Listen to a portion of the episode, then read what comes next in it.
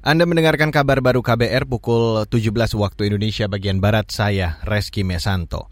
Saudara Komite Penanganan COVID-19 dan Pemulihan Ekonomi Nasional menyatakan pandemi COVID-19 di Indonesia belum berakhir. Penegasan itu disampaikan Ketua Komite Erlangga Tarto usai rapat evaluasi penanganan COVID-19 hari ini. Erlangga mengatakan pemerintah masih akan memperpanjang kebijakan pemberlakuan pembatasan kegiatan masyarakat atau PPKM baik di Jawa Bali maupun luar Jawa Bali hingga 1 Agustus mendatang.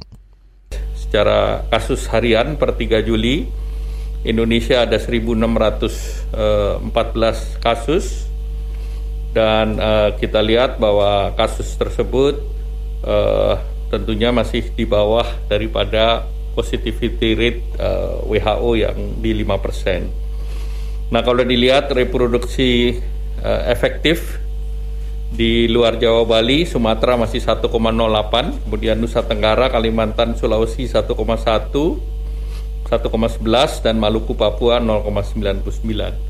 Ketua Komite Penanganan COVID-19 dan Pemulihan Ekonomi Nasional Erlangga Tarto mengatakan, meski PPKM diperpanjang, tingkat positivity rate Indonesia masih di bawah standar Badan Kesehatan Dunia WHO. Ia mengatakan kasus COVID-19 di Indonesia masih lebih rendah dibanding Amerika Serikat, Australia, India, Singapura, atau Malaysia dan Thailand. Sebelumnya, Presiden Joko Widodo menginstruksikan percepatan vaksinasi penguat atau booster untuk mencegah lonjakan kasus COVID-19. Jokowi mengatakan kenaikan kasus COVID-19 diperkirakan mencapai puncak pada pekan depan. Beralih ke lantai bursa saudara, perdagangan saham di Bursa Efek Indonesia masih mengalami lesu sejak pekan lalu. Pada perdagangan saham sore ini, indeks harga saham gabungan atau IHSG ditutup melemah 155 poin atau 2,2 persen di level 6.639. Ini merupakan pelemahan terendah dibanding bursa utama Asia lainnya. Sedangkan sejumlah bursa utama Asia lain menguat kecuali Hang Seng Hong Kong yang melemah tipis 0,13 persen.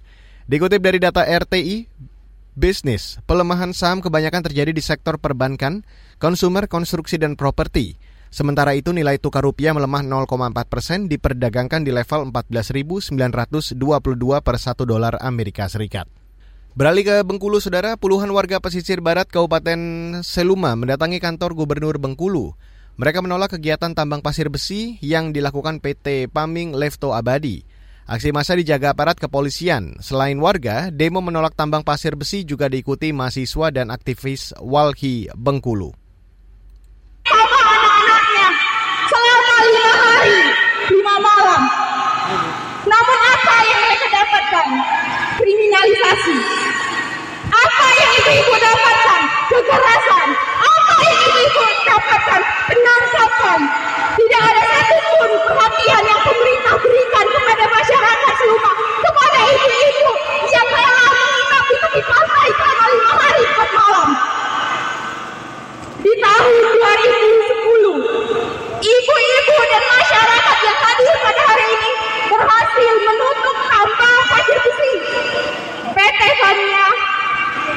Sebelumnya, warga pesisir barat Kabupaten Seluma telah menggelar aksi tolak tambang di depan kantor Bupati Seluma. Warga menyebut kegiatan tambang pasir besi itu merusak lingkungan dengan banyaknya lubang bekas galian.